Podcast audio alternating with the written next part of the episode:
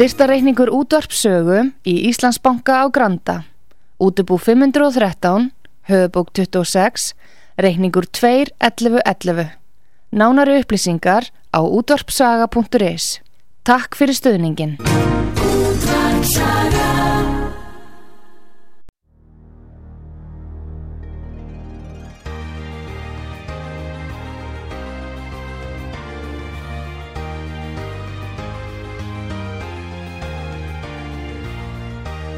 Heimsmálinn í umsjón Pétur Gunnlaugssonar.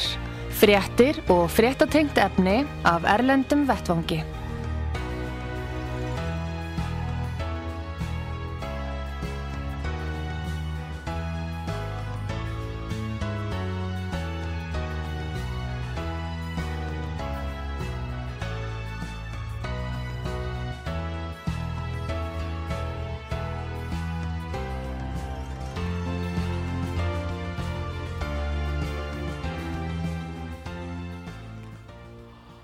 Góðir eh, hlustendur, þið er að hlusta á útvart sögu. Ég heiti Pétur Gunnlaugsson og ég ætla að ræða við hann Gustaf Skúlason í Svíþjóð. Sæl og blessaða Gustaf.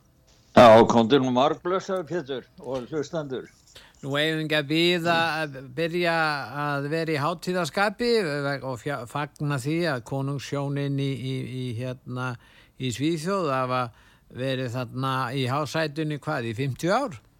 50 ár, það var gríðarlega mikil stemning hérna og ég verð nú að segja eins og er að fyrir mig var þetta bara algjört frí frá svona annari fréttamennsku drápum og öllu þessu. En, en að, að geta svona allt í hennu bara slappa af og, og horta á veistlu og, og mikil fagnað og hátöðhöld bæði innandýra og utandýra, það var náttúrulega gríðarlegur öryggisbúnaður og allt það en En þetta fór nú allt vel fram og, og þetta er það svíþó sem ég elskar sko að sjá þetta.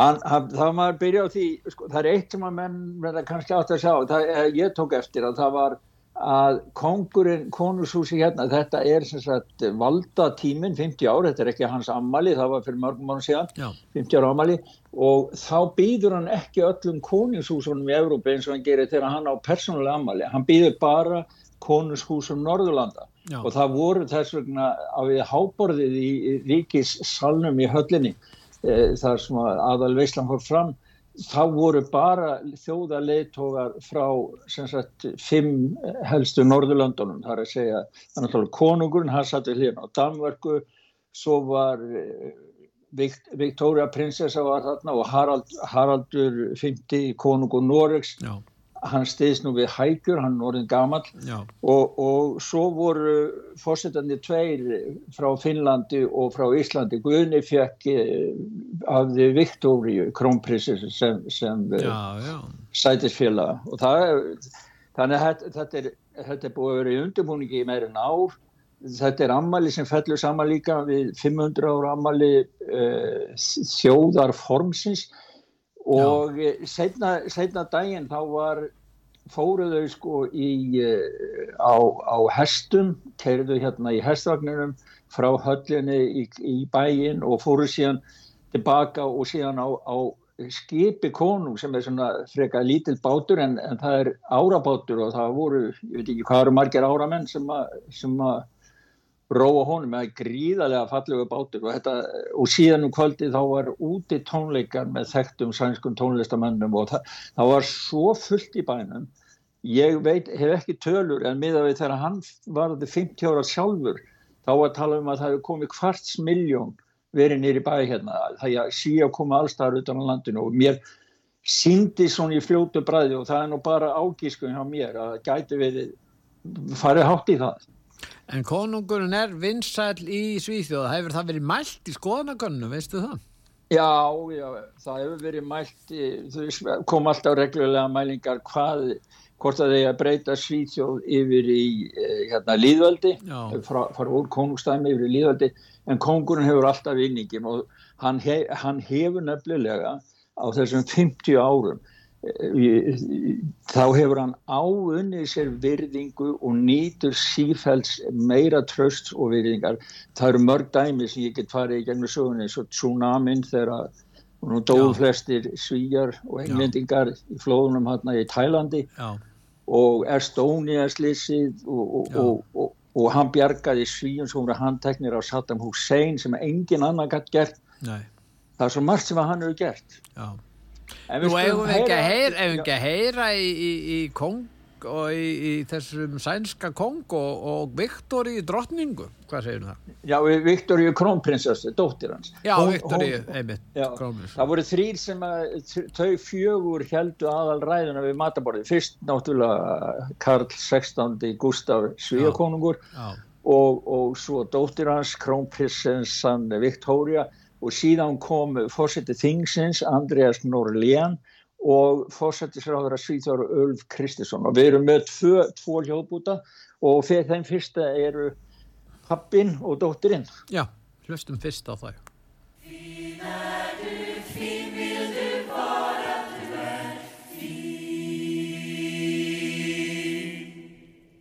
Som ni alla förstår så är det ju en, en mycket stor glädje för mig att eh, hälsa er alla välkomna till rikssalen på Kungliga slottet. Och för eh, 50 år sedan stod jag här för första gången som kung av Sverige.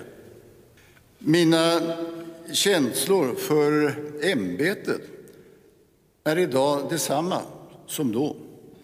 Stolthet, tacksamhet och ödmjukhet. Tre år efter mitt eh, tillträde fick Sverige en, en drottning. Och ja, en bättre livskamrat hade jag aldrig kunnat få. Kära pappa. Du har en stark inre kompass som vägleder dig. Du vet att landskapet förändras med tiden. Att gamla kartor inte alltid gäller. Då får man välja en annan väg. Det viktiga det är att man håller en stadig kurs. Under det halva sekel som du varit kung har vårt land utvecklats. Vårt samhälle har genomgått stora förändringar. Du har varit mån om att följa med samtidigt som du värnat traditionen för Sverige i tiden. Já, þessi kongur hefur verið gæfum maður. Já, já, hann hérna, hann, uh, það var náttúrulega ánæður og þakka öllum og, og Já. myndist þess að hann hefði verið þarna fyrir 50 ára síðan, þá tók hann við skyndilega 27 ára gamall Já, uh, þegar afi hann stó, Gustaf 50 og hann misti pappa sinn í flugslýsi mörgum árum áður sko, þannig að, þannig að hann þá var hoppað þarna yfir eina, eina kynslu en síðan þakka hann drottningunum fyrir að hafa staðið við hlýsið því að hann kynntist henni þreymur árum eftir að hann kom á krónuna krónuna og, og hann sagðist ekki að hafa getað fengið betri lífsförunaut já, og svo þakka hann náttúrulega öllum. Það voru í ríkssalnum ég veit ekki, ríkissalnum það, það, það eru myndir af þessu öllu, það eru myndasirpur á, á, á, á atbyrjunum á heimasíðu sögur, Já. þar voru fulltrúar allra sveitafélaga léna, það var allt fulltrúar alls hins ofinbæra svítjóðar var uh, statt í höllinni með, með konginum. Og prinsessan hún þakka honum fyrir svo sagði hún svona hún, þetta var svolítið persónulegt hjá henni því að hún náttúrulega var að ávarpan yðar hátegn konungurinn en kæri pappi svo og eh, hún var náttúrulega hún er að skóla sig upp í embættiðstöku að taka við á honum og verða drottning Svíþjóðar því að þeir breyttu lögunum að breytt og konungum var nú ekki alveg sammálað því því að eh, prins Karl Filip hafði fæðist þeir Já. breyttu lögunum eftir að hann fættist en þá Já. lögjum og, og gerðu þau svona njút, hvað ég var að segja, njútral við kynin sko, þannig að það fylgdi ekki bara í kartlegg sko. já. En hún sagði það að hann væri með áttavita, öflagan innri áttavita en landslægi breytist með tímanum og það er sem sagt landslægi, það er Svíþjóð og tíminn, bara allir tíminn, en hann er með kjörorðið fyrir Svíþjóð, veitum ekki alveg hvernig hann á því, fyrir, för Sverige í tíðin, að segja fyrir Svíþjóð í gegnum tíman eða í Já. tíðinni. já. Þannig að En- það var gríðarlega gaman og það myndir þarna líka af íslensku já. Bæði það sem að það var mikið um að vera, það voru vaktaskipti úti í Hallagarðinum og farið í kirkju, Dómskirkjuna, Slottskirkjan og, og hérna það var mikið prógram í kringum þetta, gríðarlega mikið prógram. Nú þarna heldur við ræðu, það er Fossiti Þingsins og Fossiti Sáþarann, það er bæði Andreas og svo hann, Já, Úlfur, Ulf- Úlfur Ulf Kristinsson. þarna, Fossiti Sáþarann, Já, ef að heyri þeim. við skulum heyri þeim. För att på personnivå ge lite ytterligare perspektiv på dessa 50 år kan man konstatera att kungen har avverkat åtta riksmarskalkar, nio talmän och tio statsministrar. Jag var själv eh, fyra månader gammal vid kungens tillträde, så kungen har på något sätt alltid funnits där. Jag minns också mycket väl det allra första samtal som Ers Majestät och jag hade på tu man hand här på slottet förra året. Och vi talade om det kommande jubileumsåret. Om Sveriges 500 år som nationalstat, om kungens 50 år på tronen. De långa linjerna mitt i vardagens snabba tempo. Och så insåg jag att det inte skulle imponera på kungen när jag sa glatt att jag samma dag hade varit Sveriges statsminister i exakt fem veckor.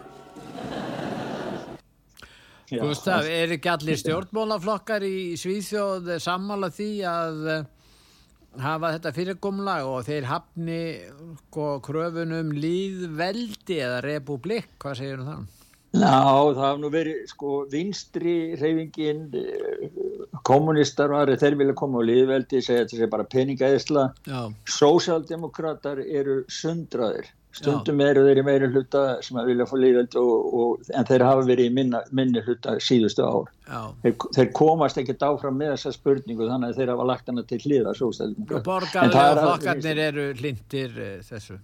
Já, já, já, er, þetta er sko, það er eins og maður mað kemur inn á sko að konungurinn sko ráðherrar koma og fara, fórsættisráður koma og fara, eh, fórsætti þingsins kemur og fer og ríksmaðskálkar eins og hann sagði að Andreas Norlén á þessu 50 árum þá hafa 8 ríksmaðskálkar verið nýju fórsætta þingsins og 10 fórsættisráðurar og, og Ulf sagði það að hún, það er kannski, hann áttaði sig ekki á því þá þegar hann var að monta sig á því við konungin að hann hefði verið heilar fimm vikur sem, sem fórsættisráðar og svo skildi hann það náttúrulega, já, já, það er kannski ekki neitt til að vera að monta sig á, sko.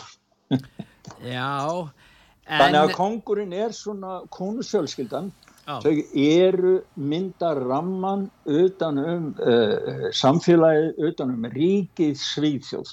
Það, þau, og þau gera það afskaplega vel að, að, að mínu viti og þau eru svona taug til þjóðarsálarinnar sem að engin pólitíkus hefur. Þau eru fyrir ofan allt þetta pólitíska þras, Já. dægur þras og, og eru reyna að gera sér farum að vera venjuleg en verða eru sko með alveg klifju skildum í alls konar störfum bæði innlendis og erlendis já, sem þau segja þetta er heilt apparat, þetta er heilt stór fyrirtæki sko. Þau eru með fleiri, fleiri, þau eru með söfn og hallir út um all land sem þau þurfa að reka og annast og, og, og það er svo margt í þessu sko. þau eru raunverulegt er þú Þau eru, já, þau eru sammenningatá og það er Það veitir nú vist ekki af á þessum á tímum. síðust og vestum. Já, já, já. Heyrðu Gustaf, nú við erum nú búin að tala um, um sko, hana jákvæði hliðar hérna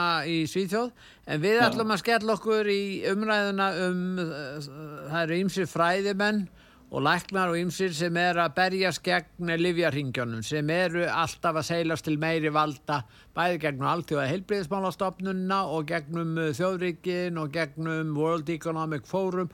Og þá er, uh, það var ráðstefna hana vísindamanna í Evrópuþinginu sem Já. er að reyna að veita einhverja anspyrnum gegn þessum mikla og sterka afli livjarissana sem eru náttúrulega fjárhagslega það öflugir að það eiga fáir eh, möguleika að berjast við á. Já, einmitt.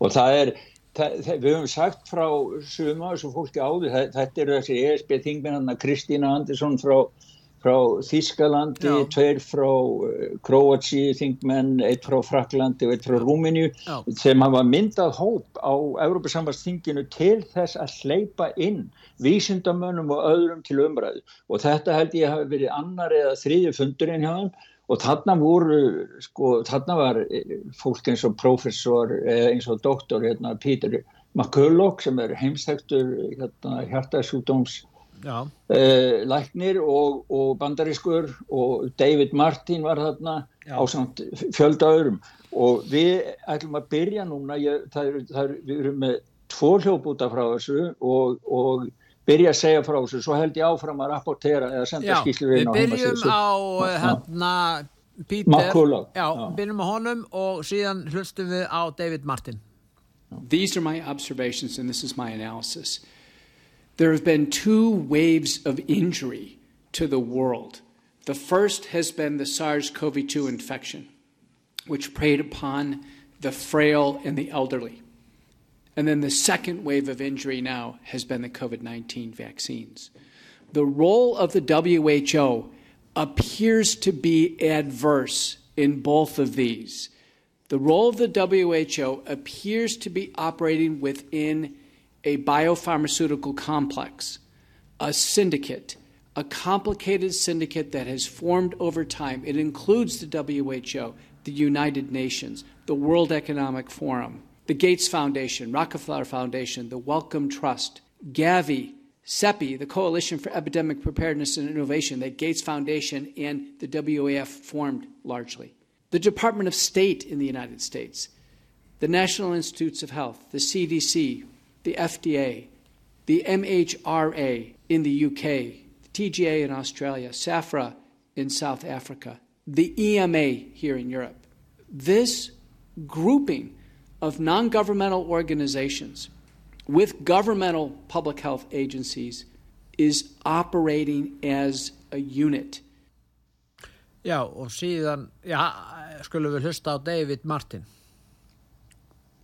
Because we are not here to debate the merits of a modified agreement for a criminal racketeering organization. We are here to end the criminal organization itself. This is my call to every single person on this planet. Don't just limit the power of the WHO, destroy the WHO. Thank you very much. Já, nú að Pítur Hjartalæknirinn, hann uh, er að tellja upp alla þær stopnanir sem er ekki sko á vegum hins ofinbera sem hafa náð saman og er svona ákveði einingarafl í baráttunu með Livjarisson Já, hann segir sko, sko við erum búin að vera að reyna og fólk út um allan heim á sinn máta og út frá sínum aðstæðum að, að, að kíkja og sjá á bakvið tjöldin hvaða öfleta eru, hvernig þau skipur og hvaða markmiðu hafa og hvað, hvað er að gerast eftir að, eftir að COVID faraldunum komu. Þetta er í fyrsta sinn sem ég heyri eh, og, og heyri það sagt eða sé það að allar þessar stofnanir eru tengdar saman í það sem hann kallar syndikat það er, það er bara klubur og hann lýsir því líka er, myndbandið og ræðan hans er á heimasíðu sögu. Hann lýsir því líka að þetta sé mjög vel skipulagt Já. og synkroniserað á milli þessara ekki kostnað, það er engin kjörin í þessi samtöku eða neitt um allan heim, þannig að þau vita það er, það er, Þeir vinna í takt Þeir vinna allir í takk. Já, það er samrænt, samrænt, störðir eru samrænt og þau vinna í takt og þess vegna, sko, þá fyrir maður að skilja þetta. Hann, hann nefnir hérna lækna, lækna eftir lítið IME, það er European Medical Institution eða hvað hann er Já. og hérna og, og Livja, Livja stofnir bandaríkjana Já. og allar þessar stofnanir í bandaríkjana sem eru meira og minna enga stofnanir, sko. Já og, og, og svo næri þetta tegir þetta til Ástralju, Söður Afríku þetta og hú og saminuðu þjóðnar, þar saminast sko World Economic Forum við hefum eftir að koma aðrar upplýsingar en þá meiri upplýsandi eh, á eftir í, í hljóput með Dr. Robert Malone en World altså alþjóð heilbærismúlastofnun og saminuðu þjóðnar nýta saman böndin þau og World Economic Forum. En David Martin lítur bara á þetta sem skipulaða glæbarstarfsemi. Já, Hann og hann, hann, er, hann er það harði. Ég tók nú bara endurinn, Já. það er þýðing á, á, á, á hluta á ræðans á heimasíðu sögu og, og hérna, ég tók bara endurinn af þessu. Hann, hann telur allþjóða helbriðstofnuna bara vera glæparsamtök Já. og það sé, dugi ekki fyrir þjóðir að, að gefa þeim einn eða einhvern sens, það verður bara hreinlega að segja skiluföðu, leggja það niður og það verður þá bara að byrja upp á nýtt með eitthvað annað samstæð.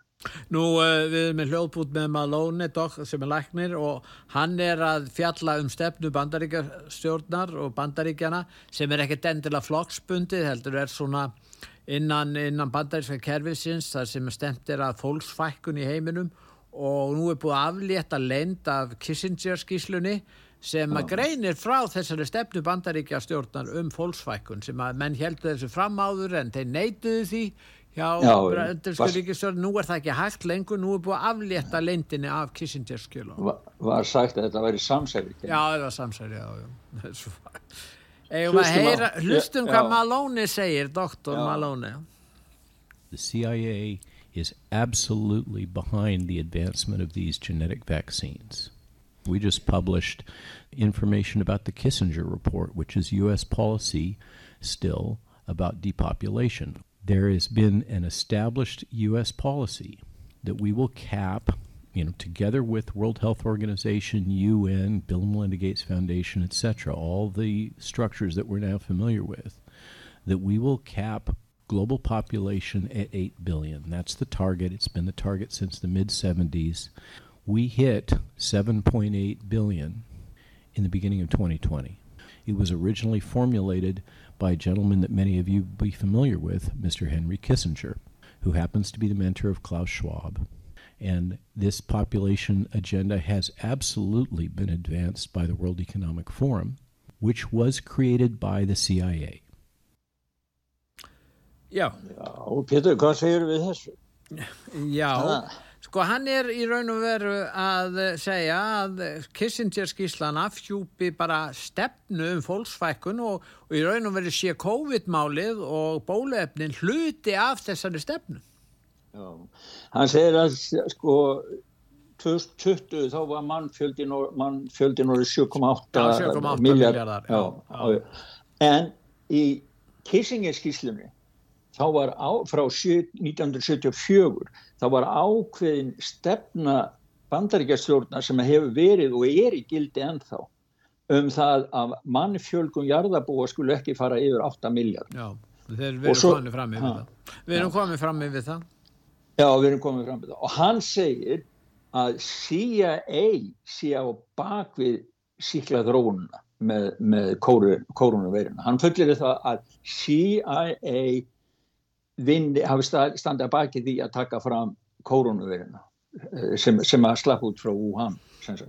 Og svo segir hann setna, hann lýsir því að Kissinger hafi verið svona leiðtói Klaus Schwab og að CIA er standi að bakvið myndun World Economic Forum. Og ef að þetta er nú rétt sem hann segir, sem ég hef enga ástæði til að draga efa, því ég hef hitt hann, ég tala við hann og hann er þekktur út um allan heim, hann er mjög vandaður vísindamæður og vinnur bara með staðrindir, að þá er þetta algjörleg uppljósturinn um hvað bandaríkamenn er að gera Já. og það, þeir voru með þetta var mikið rætt á Sky í, í Ástralju Sky News og þeir voru að sko, segja það því að CIA þeir, þeir var byrjað að rannsaka hvaðan veiran kom þá, þá vildi, þá voru, þeir voru með sjö sérfræðinga í, í teimi hjá CIA til þess að rannsaka hvort þetta kemur nú frá dýrum eða frá rannsóknustofu Já. sex á sjö sögðu þetta kemur frá rannsóknustofu Já. CIA reyndi að múta með, með, með háum fjárgreislum til þess að fá til þess að breyta sinni frásum og segja að þetta kæmi frá dýraríkjunni en ekki frá rannsóknustofu. Það er heimildum þetta í New York Post blaðinu. Já, og það er um þetta á, á, á heimasíðu sögu um Já, þetta. já. Og það er, það er ágætt að sjá, þessar hluti alltaf í samhengi því að sko eins og þeir voru að tala um hérna á skæði Ástralíu, ef að þetta sannast, sannast, því að það eru hægt að spora greislur frá bandarískum yfirvöldum til verkefnisins í Wuhan þá verður, verða bandaríkjan þar sem að Trump allar setja skafabóta kröfu að hendur kýmvera slær til þá tilbaka yfir á bandaríkinn sáð að hluta til að mista úrst.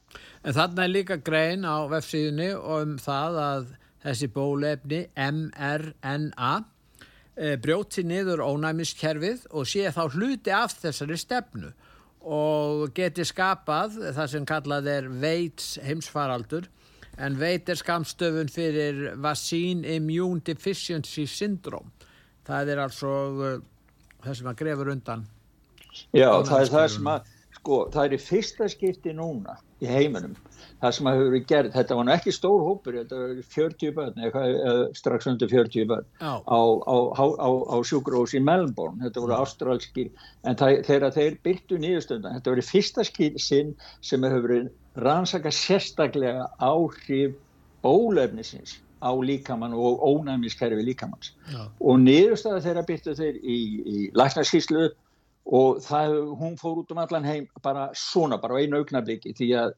þetta þóttu svo merkilega fréttir. En þeir sína fram á það að þeir eru í raun og veru þetta er í raun og veru staðfæsting á því sem að Nobelverðluna hafinn Luc Montagnier sem var í Fraklandi, eh, hann er dáin núna, hann kom með það allra fyrst þegar var verið að ræða veirun á hvað hún væri, hann sagði það að hún framkallaði HIV og Kreutzfeldt Jakobs útdóm. Og hann lýsir þessu, hann segir það að veir og afbreyðin skapast með spröytunum, þeir geta aldrei náði kappveiruna vegna þess að veiran flýr undan spröytunum og umbreytir sér.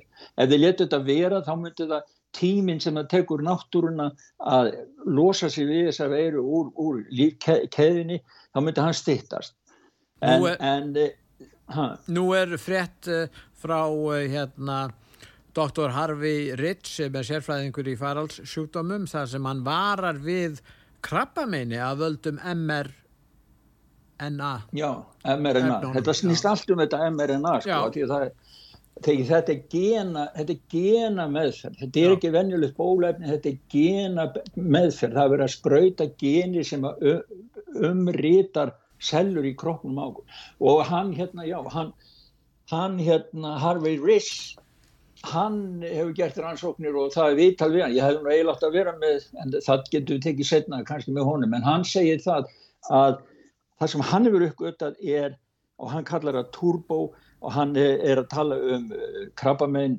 blóðtengdu krabbameini, það er ristilkrabbamein, það er uh, þvagblöður krabbamein, eitilfrumu krabbamein, kvítblæði, lungnakrabbamein og svo framvegis. Og þetta eru á, á þegar krabba minn kemur fram það tekur það svona allt frá 2-3 árum upp í 30-35 ára að þróast. En það gerist ekki núna. Eftir að bólefning kemur þá bara þróast þetta bara á nokkru mánuðum. Það sem að tekur mörg ár venjulega að þróast í líkánum vegna þess að hann segir að seljuta það er þekkja svona og geta haldið miklu skefjun en núna hefur hann séð að krabbamein, það, það, það er búið að brjóta og stitta tíman fyrir krabbameinin að, að, að ná völdum í líkamannum sem aldrei hefur sest áður. Og það var annar maður sem var í sambandi við þetta líka, það gagnaði fræðingur hjá tryggingafélagum sem lísti því að það hefur verið aukning 2022 522% aukning á lífeyriskröfum vegna blóðtringdara sjúkdóma miða við árin áður. Þannig að sko allir, það, það streyma inn upplýsingar um að það sé ekkert í lægi núna heilsu fara á fólki eftir þetta bólefn mRNA kom til sögum. Já og síðan er það uh, þarna sem að lögfræðingurinn uh, eh, fúlmík, þíski lögfræðingurinn er að benda á að hann heimlega vil banna þessi efni. Já, já, við hefum nú rætt á... Hann segir hann... þeir segja verstægi eftir að koma núna við séum rétt á byrjunastígi varðandi skadsamlega áhrif, skadlega áhrif þessara efna og, og í raun og veru sé þessi bólefni sem nota gegn COVID núna þau eiga við um önnur afbríði þannig að menn er að tala um það að þetta sé úrelt í raun og veru efni að þessu leiti. Já þeir eru að tala um það sko bólefni, það var einn að tala um það bólefni sem að vera að bjóða núna og allir eru allar að fara að kaupa núna.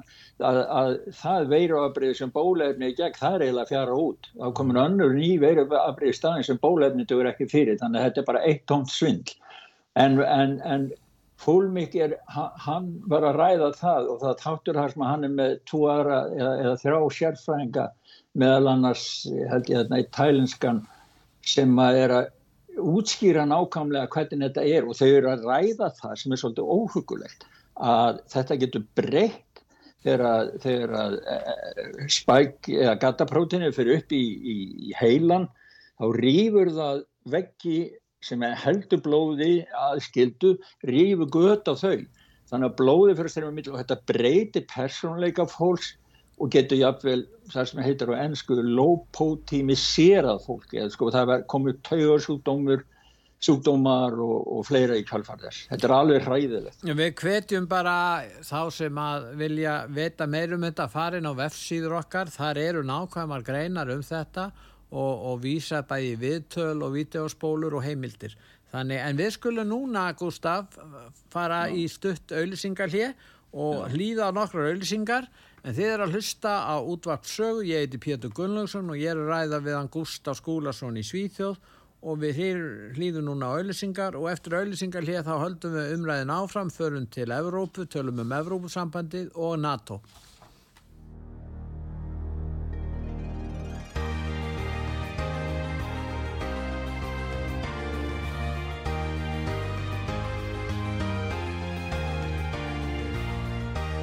Heimsmálinn í umsjón Pétur Gunnlaugssonar.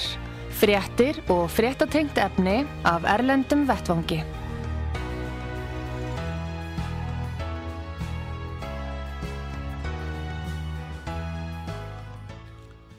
Góðir eh, hlustendur, þið er að hlusta á útvart sögu, ég heiti Pétur Gunnlaugsson og ég er að ræða mann Gustaf Skúlason í Svíþjóð. Núna Gustaf, það sem eru fréttir að berast núna frá Evrópu, það eru Afrikubúar, það er streyma inn í Evrópu, það er ekkert gert nú nema þeir eru aðlið því að, að hérna gaggrína Viktor Orban fyrir að vera ekki nógu frjálslindur. Hvað segir það?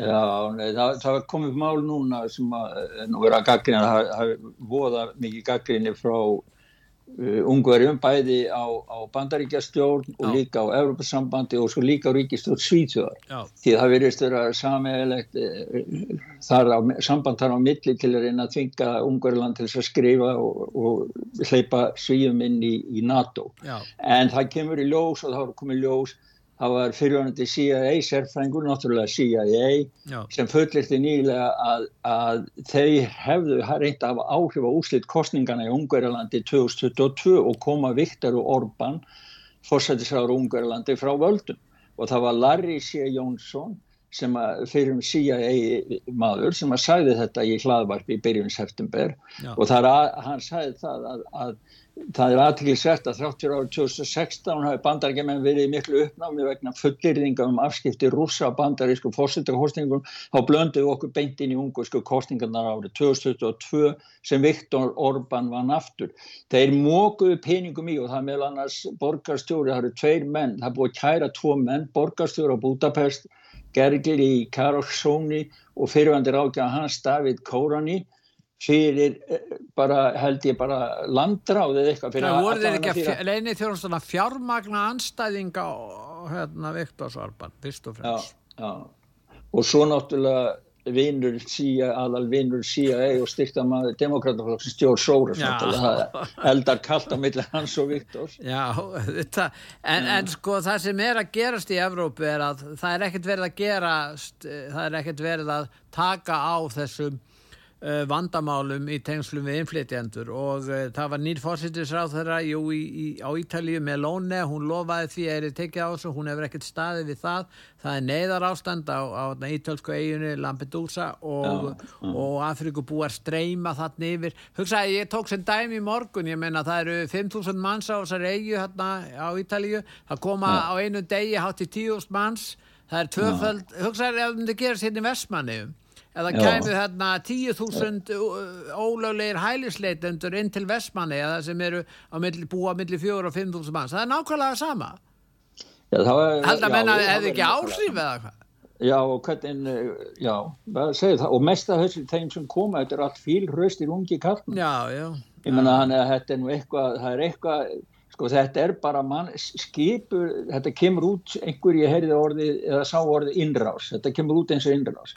Og, síðan og, er verið að bjóða svo er þessi fossitisáður Ítali þessi Meloni ja, ja. og hún er náttúrulega búin að sko, lofa allt öðru, svo er hún, hvað gerur hún? Hún býður uh, fossita framkvæmtastjórnarinnar Úrsulu von der Leyen til eiga, þessar eigu og býður um aðstof frá henni. Og eina sem að der Leyen segir við þurfum að stóra auka innflutninga ólögum innflytjum við þurfum að búið til kvótakerfi þannig að þjóðuríkjum verða þvinguð eins og polverjar ungverjar, tjekkland til að taka við miklu fleiri flótamönnum en þeir vilja sjálfur gera. Já, þeir mun ekki gera það því að maður sér á ræðuhaldum og annað hjá uh, fóraðamönnum bæði Pólans og Ungarilands að þeir þakka sínum sæla fyrir þá stefnu sem að Európa-sambandi komið í stríð við og fyrir heldur í peningagreislinn til Ungarilands þeir þakka sínum sæla fyrir því þeir segja það sé verið að vega að fjölsk, kjarnafjölskyldunum, kristnum gildum og menningu þjóðfélagana og þeir muna aldrei samþykja þetta. En ástandið Þannig... er svo slæmt í Evrópu út af verðbólkunni, nú er eittan hverju tíu Já. íbúum í Evrópusambandinu, hefur ekkert efna á að hýta heimilisitt.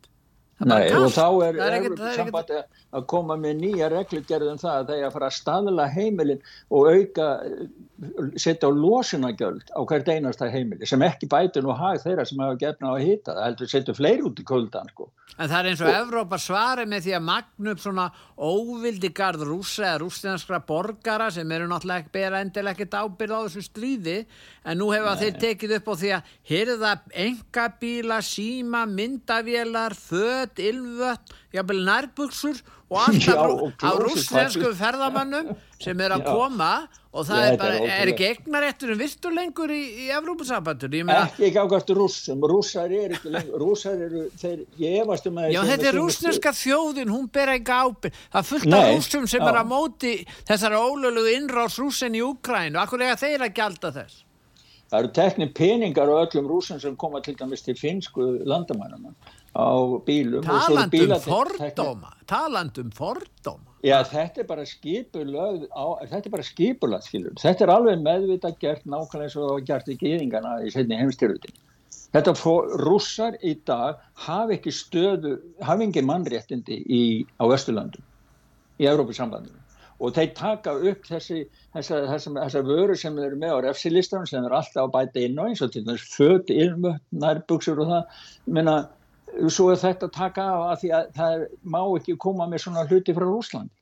En það er að koma líka meir og meiri upplýsingar um þetta stríð. Nú Jens Stoltenberg, hann er, hann er nú stjórnað hérna í NATO og hann í raun og veru í viðtali er að viðukenna að hérna að hérna að Úkrænustríðið er tilkomið vegna stækkuna NATO og og jafnframt upplýsingar um það að rússar hafi bóðið samning um að fara ekki inn í Úkrænu ef að þetta NATO aðild Úkrænli teki út af borðinu. Hvaða heimildir höfum við fyrir því? Hvernig getum við greint frá því?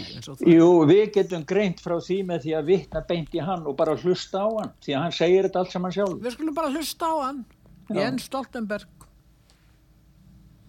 The background was that President Putin declared in the autumn of 2021, and he actually sent a draft treaty that he wanted NATO to sign to promise no more NATO enlargement. That was what, what he sent us. And that was, that, that was a precondition for not invade Ukraine. Of course, we didn't sign that. The opposite happened. He wanted us to sign a promise never to enlarge NATO. He wanted us to remove our military infrastructure in, in all allies that have joined NATO since 1997, meaning half of NATO, all the Central and Eastern Europe. We should remove NATO uh, from, from that part of, uh, of our alliance.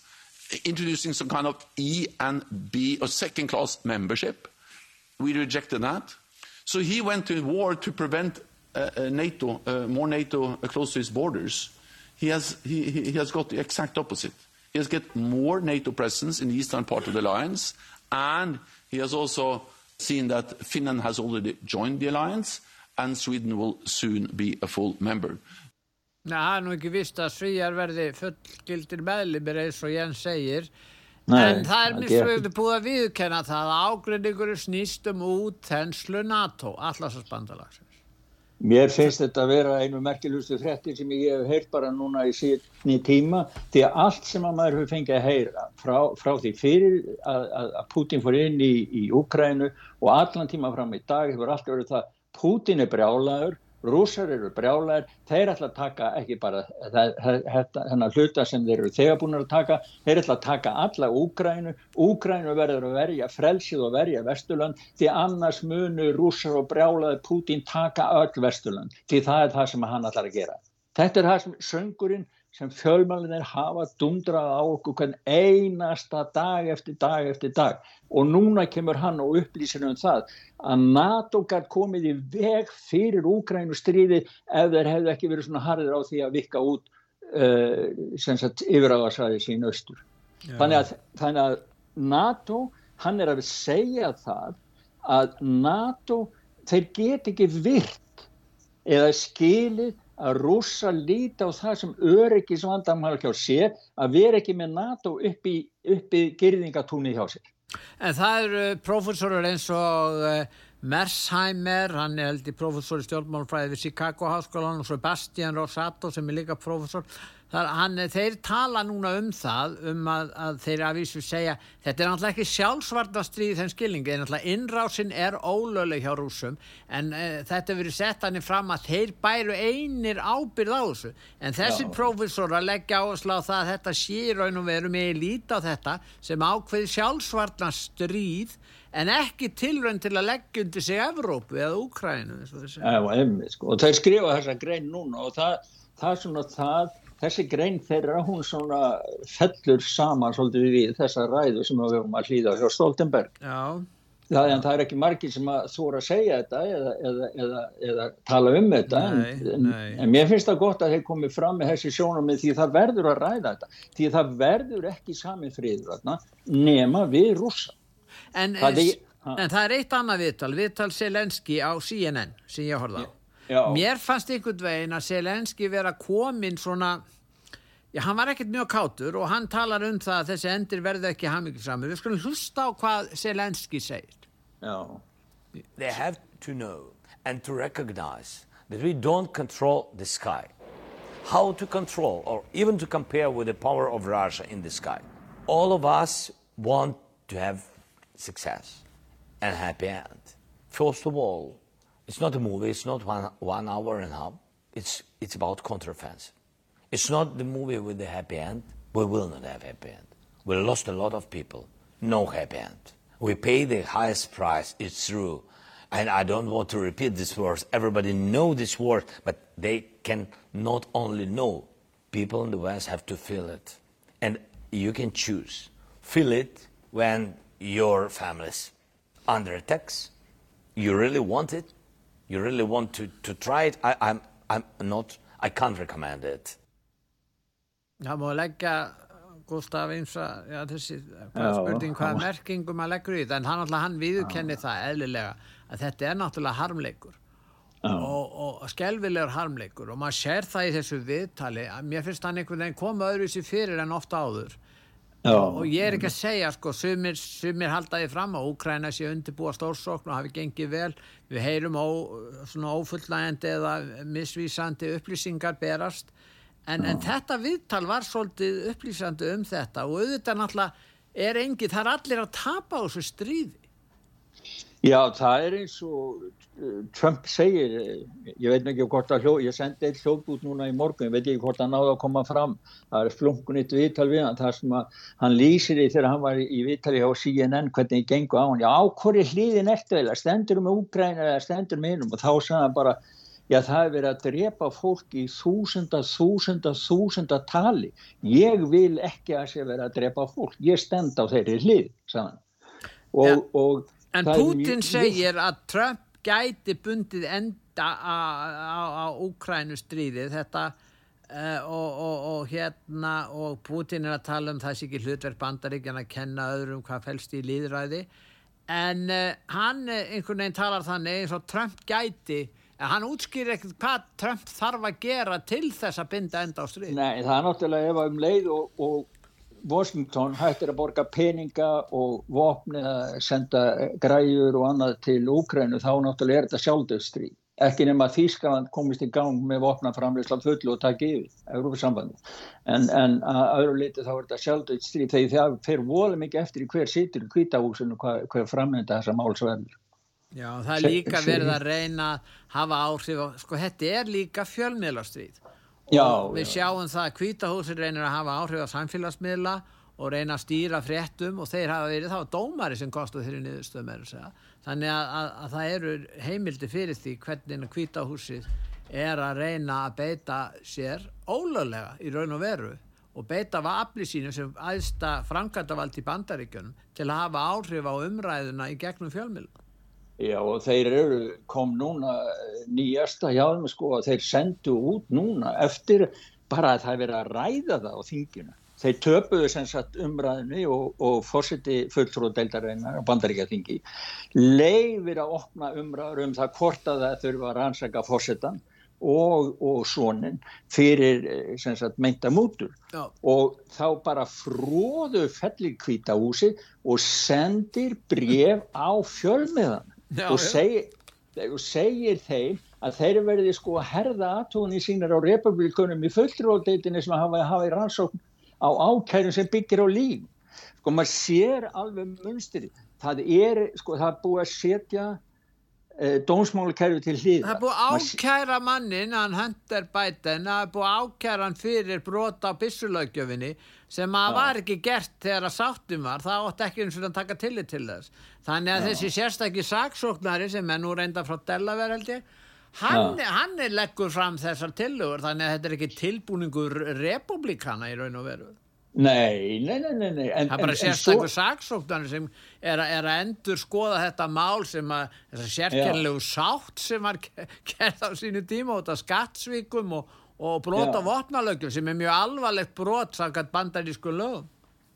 Já, og það er bara að maður sér sko þetta er orðið, það er búið stjórnmála væða allt Já, og já. það er sko, sko lög réttarkerfi og, og svona fagleg vinnubröð og, og, og eru bara einhvern veginn eiga ekki lengur upp á pallborðið já, einhvern veginn í, í stjórnsýslun og þetta En- er náttúrulega alveg skelveleg þróun því þetta opna bara fyrir einræði og, Ég, ég meina ef fólk hættir að byrja tröst til dómskerfisins og dómstólana, Já.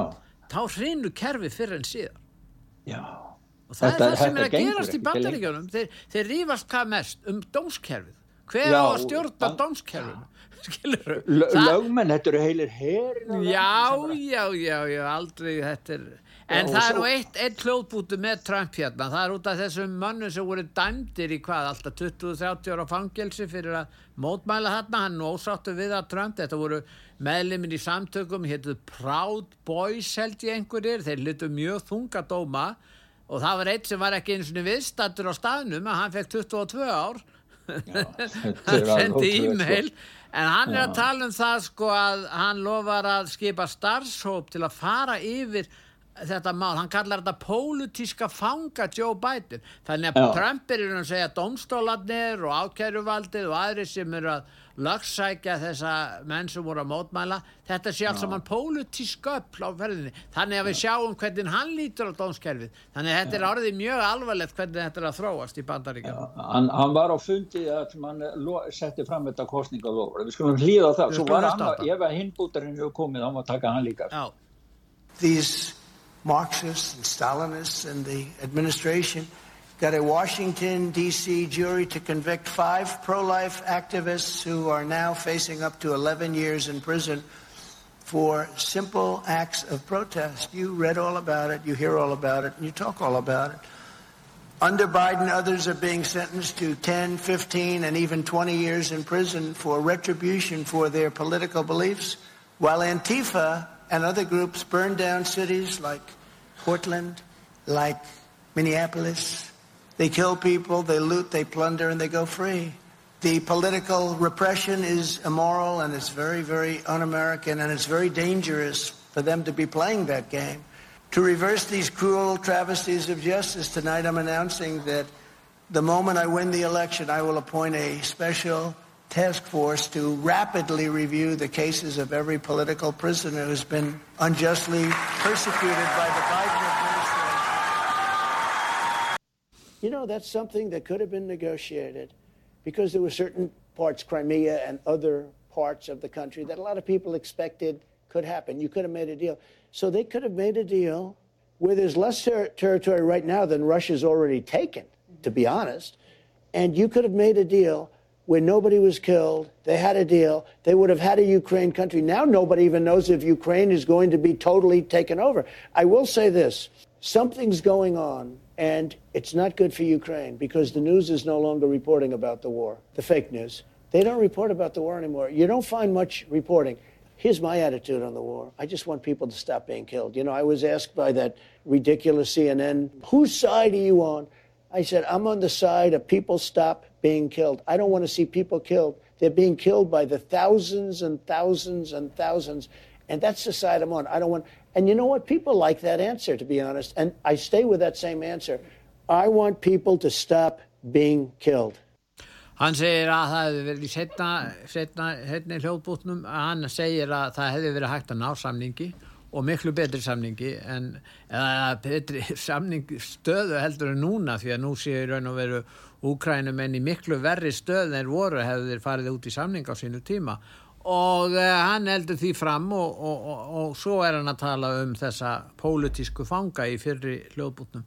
Þetta Já. er hann er, sko, ef við lítum á þetta svona út frá sjóna með demokrata, þá líta þeir á hann sem hreinan og kláran öfgamann. Það eru, uh, uh, anstæðunar eru orðnar svo miklar í raun og veru. Já, og þeir, það sem þeir eru að reyna að gera, þeir eru að reyna að klína á það að hann sé landrámaður og hann hafi verið að að gera byltingu og sig, siga mannstofnum að fara Fjórar ákærur á þingið. hendur honum í dag. Já, Fjórar ákærur. já, fjórar ákærur og það, það er það sem að þeir eru reyna að klína á. En eh, sko, margt af þessum ákærur sem hafa komið fram og maður, ég veit að það, mér hefur sagt frá því að sumir íslenski sakfræðingar hafi skrifað einhverja bækur um að, e- eitthvað af þessum ákærum sem síðan þegar að þær hafa komið í dómstælan, til dæmis það að, að hann á að hafa sagt eh, mann ekki alveg hóta úkrænumönnum selenski einhverju ef að hann myndi draga tilbaka peningastyrk eða eitthvað svona svipa eins og, eins og Joe Biden gerði, þá var það tekið fyrir á í dómstól og það var engin grundöldu fyrir því að þetta var bara lí, tilbúningur og mörg svona atrið sem að kannski vilti sakfræðinga vilja ekki einu sinni leiðrætta þegar dómurinn sé búin að sanna það að það sé rámskilur. En það er búið að vera deila á hann ekki, frá 2015 þegar hann tilkynnti frambóð sitt til fórseta Já, kjörs já. í rúlusteganu þarna í Já. New York og þegar, þegar hann tilkynnti það þá fór alltaf stað. Það var réttakerfi, það voru rannsóknaraðlar og það voru auðvitað fjölmiðlarnir og síðan hefur þetta gengið staðið yfir í átta ár. Það er ekkert öðruvísi, þetta er staðið yfir í átta ár og mun Já. halda áfram. Hann er þeim erfiður því að hann, hann er öðruvísi, hann er ekki, ekki slægur refur, svona pólitíkur. Þeir vilja fá menni eins og Jeb Bush eða aðra sem að ganga Já. erinda þeirra og eru bara ánæður að vera í svona valdastöð og halda einhverja hátilega ræður og, og Já, og svo skiptast þeir á mútum hver á annars Já. já. já, þá ger ég þetta fyrir þig og þú gerir þetta mig. Ég klórar á bakið og klórar mig. Maður tala hvernig þetta. Já. En þeir vita Nei, vel að sko, þeir líta á hans sem villimann en, en það þarf kannski sumi kegja, það þarf einhvern villimann til að taka á svona fólki, spiltu fólki. Hvað segir getur nú, já, getur rétt ímyndað er sukkið og svínari sem er í djúbrygginu í Washington. Já. Þeir skjálfa núna því að núna segir hann, sko núna segir hann, ég þekki þá, þekki þá með nafni. Síðast þe- þegar hann stofnaði ríkistöld þá valdi hann fyrst fullt af embættismönnum í stjórnina samkvæmt ráleggingum manna í flokknum sem síðan kom í ljós að stóðu sig ekki í jobbinu en þá skildi hann það ekki að því að sömur flokksmenn hans vinna með demokratum og það stundum talað um uniparty eins og fólk á Íslandi hefur talað um fjórflokkin vegna þess að menn vinna saman. Og það er eins og hérna, fólk segir að það skiptir eða lengum alveg hverju stjórn, það er jafn mikið skoti henni í Svíþjóð eða það bara fer vaksandi skilur alveg saman hvað fólk segir. Já. þannig að, að, að núna er hann búin að læra þetta. Þannig að þeir eru ennþá og hann getur stoppað stríð í Úgræn það vilja þeir ekki Ef við, Pútín til, ef við förum heim til því núna, Gustaf, og það eru glæpinnir og það er náttúrulega sjö morð á tíu dögum. Er þetta ekki uh, það versta sem hefur verið? Já, hann segir það hérna, það var, nú, það var þáttur í sjónvarpinu í gæri, agenda, það er svona fréttaskýringa þáttur og það var viðtal við uh, lörgstjórun í Uppsölum og hann fór aftur til ásins 1954, þetta er bara eftir setni heimstyröldina, eða hvort það var fyrir, Já. Mann ekki alveg hvað ártala var og til þess að finna sama, sama ofbeldi. Það voru fjórir drefnir í Uppsala allt árið fyrra, það búið að drepa fimm núna og, en málið er sko lauruglan veit, það eru 30.000 glæpamenn í glæpahópunum í allir í Svíþjóð. Já. en málið er að það er ónýtt eins og hann benti á lauruglustjófin það er ónýtt löggjöf fyrir unglinga undir 15 ára aldri. Það má ekki, maður er ekki afbróta hæfur samkvæmt afbróta löggjöfni fyrir en maður verður 15 ára. Og eða komið, já, 15 ára held ég að sé. Sakhæfisaldur 15 ára og, Já, já, Já. og þá nota glæpamennir, þeir nota unglinga sem þeir annarkort og það hefur fæst í aukana að þeir eru farin að hóta að drepa unglingana ef unglingarnir segja nei. En áður fyrir þá... þá Þetta er eins og í Oliver Twist eftir Charles Dickens, þetta er nákvæmlega saman Já, þú er segir nokkuð maður. Já, já, nei, þetta, já, þetta er nákvæmlega Þetta er alveg það sko. sama Þeir notuðu bara Charles Dickens var nú alveg frábær snillingur hann, hann, hann, hann útskýri þetta mjög vel og lýsir þessum karakterum sem eru nota, misnota börnin með þessum hætti Þeir eru Já. örgulega líkir þessum uh, liði þarna sem er að Já, já, já. Ha. Og, og svo, svo er það sko, það, svo eru líka til bara 13-14 ára sem að bjóða til, bara til þess að fá stöð í glæpagengunum, bjóða sko til að drepa ókeipis. Og það eru þrýr, þrýr unglingar undir svona 12 ára til 15 ára á hverjum einasta degi sem gerast meðlímir. Það eru þúsund nýjir unglingar sem koma inn í gengin á hverju einasta ári. En það Þetta er þess að fækkun Ha. barsfæðinga, það er ekki nema 1400, nei 1040, já, 1400, nei ég myndi segja 1,47 bann á hverja konu, er það rétt hjá mér? Fæðingartíðnin Býtum Eh, það geta fram hérna á skjermin, býtum við. Það þarf 2,1, það þarf 2,1 á, Já, til að það sé haldbært. já, og haldbært, nú er það konir í Já. hund 1,5, þetta er eiginlega Já, lagst á Ítalíu og Spáni líka, Þískalandi, en nú er það svíjarnir sem er orðin lagstur. Já, það, þeir hafa, það sem hefur vakið aðtikli lækna hér og, og lækna og kalli lækna þeirra hafa vakið aðtikli á þessu.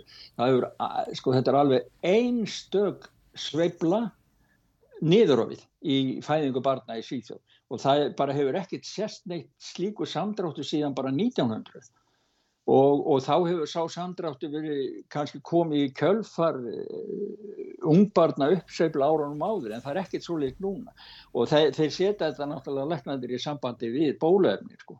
en það Já. má ekki ræða það en, þeir, en þetta er staður Umfram döðsföllin. Já, þetta, þetta er skelvilegt sko. Bæði umfram döðsföllin og svo þessi fækkun barsfæðing. Þetta er, það alltaf að koma nýjar og nýjar upplýsingar á öllum sviðum sko. Maður, sko, við erum kannski bara búin að, ekki einu sinni búin að sjá toppin og ísjagan. En það var einn ein frétt aðna frá þér, hún var um konuna sem fannst dáin í fristikistunni. Já, Og hún var búin að vera þar í fimm ár, en hann, hann hýrsti örgulífverði, kallinn.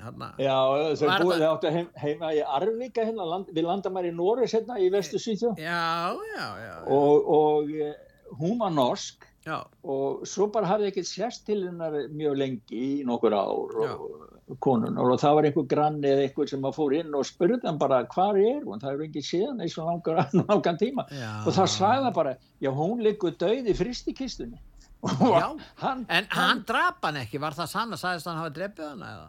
Nei, svo, svo fór, sá sem fór í heimsók til hans fór náttúrulega beint til lauruglun og sagði frá þessu og þeir sendum menn til að aðtúa og þeir, það var einhver húsbít, fóru þanga, fundi ekki neitt og fóru sinni í hús og fundi geimslu og þar sáu þau fristi kistun og opnuðu lokið og hún láðar. En þeim Já. tókst ekki að sanna að hann hefði drepa. hann Nei, hann, það bara, hann vildi bara eftir hún dó, þeir, hann Já. lefði einhver skýring á því hversu hún dó og, og hérna, og nú getur hann hýrt þetta, hann verður að greiða þetta tilbaka væntarlega Já, já, þetta er, ég man ekki hvað þetta var há upp að tölur há upp að sko, norska krónur, 1.500, 1 miljón, 1,5 miljón norska krónur sem hann er að borga sem ekki drenga við að borga. Svo fekk hann, fann hann segt fyrir sko, þrjú og hálft á fangel sem fyrir brot að grafa fríðnum, fríðhelgi engali, sjálfsvík, skjálafals, eitthvað svona. Já, þrjú og hálft á. Hann setur nú ekki inn ennum í tvö ár, þá er það ekki þannig hjá ykkur, hérna. Já, hérna hjá okkur er þannig að unglingar sem að fá mestalegi fjögur ár fyrir að drepa einhvern tegum er sleppt eftir tvö ár yes. og þá fá þess 100% stöðu í, í, í hérna glæpagengjuna. Já, og, herðu, og komast hérna, á oppi og fá, fá styrk frá ríkjuna, það gerur ekki. Herðu, við þarfum að lusta á eh, tónlistamannin Andreas Oppjær, hvað segir um hann?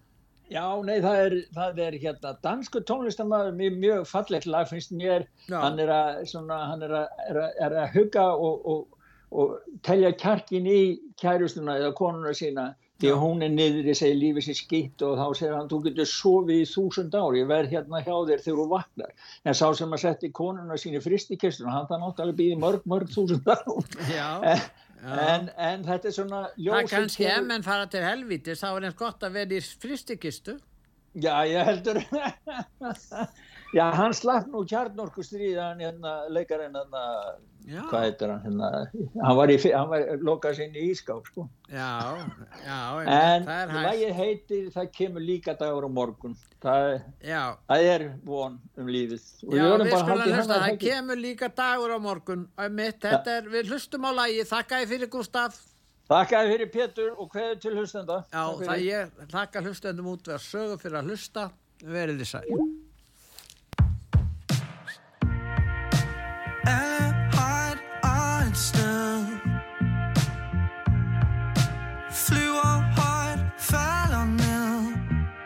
Selv de dybeste sår, de kan hele. Men i dag har du svært ved at se det, og det er hårdt. Jeg henter dig et sted. Vi ser solen gå ned. Jeg har rødvin og smøg, og du taber. Sidst var det mig, og du var der.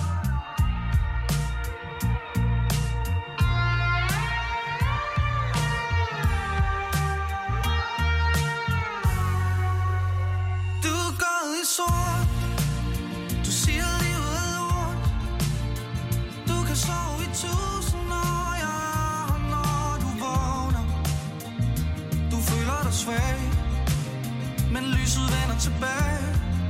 I morgen er der også en dag.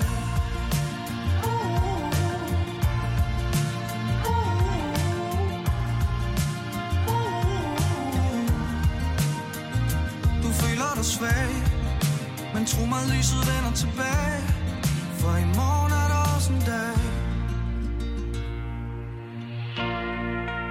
Du er ikke til besvær. Skjul ikke tårer her For de løber så fint på din kind nu Og det letter dit hjerte, det ved du også godt.